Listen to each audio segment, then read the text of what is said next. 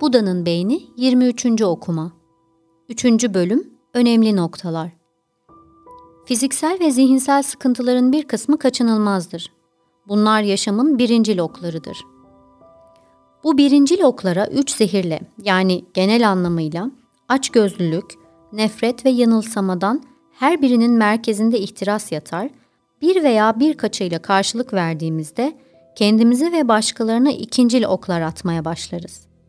Hatta çoğunlukla ortada birincil ok bile yokken ikincil oklar fırlatırız.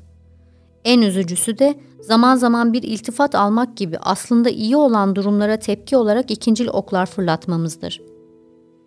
Acı çekmek son derece maddeseldir.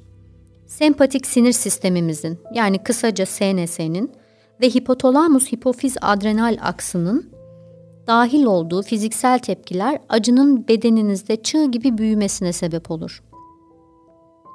Çoğu insan fiziksel ve zihinsel sağlıkları açısından epey negatif sonuçları olan kronik ikincil ok yağmurundan mustariptir. Dinlen ve sindir olarak bilinen parasempatik sinir sistemi yani kısaca PNS, SNS aktivasyonunu rahatlatır. Uzun ve iyi bir yaşam için en iyi reçete PNS'nin ağırlıklı olarak uyarılması, canlılık için SNS'nin hafifçe aktive olması, ara sıra da büyük fırsatlar veya tehditler karşısında SNS'nin dürtülmesidir.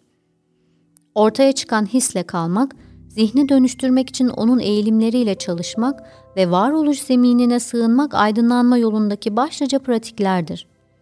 Bunlar pek çok açıdan sırasıyla farkındalık, erdem ve bilgelikle uyumludur. Aydınlanma yolunda ilerlemeyi sürdürün. Pratikte kaldığınız bir sürü küçük an sayesinde huzurunuz, şefkat hissiniz ve içgörünüz kademe kademe ancak gerçek anlamda artacak.''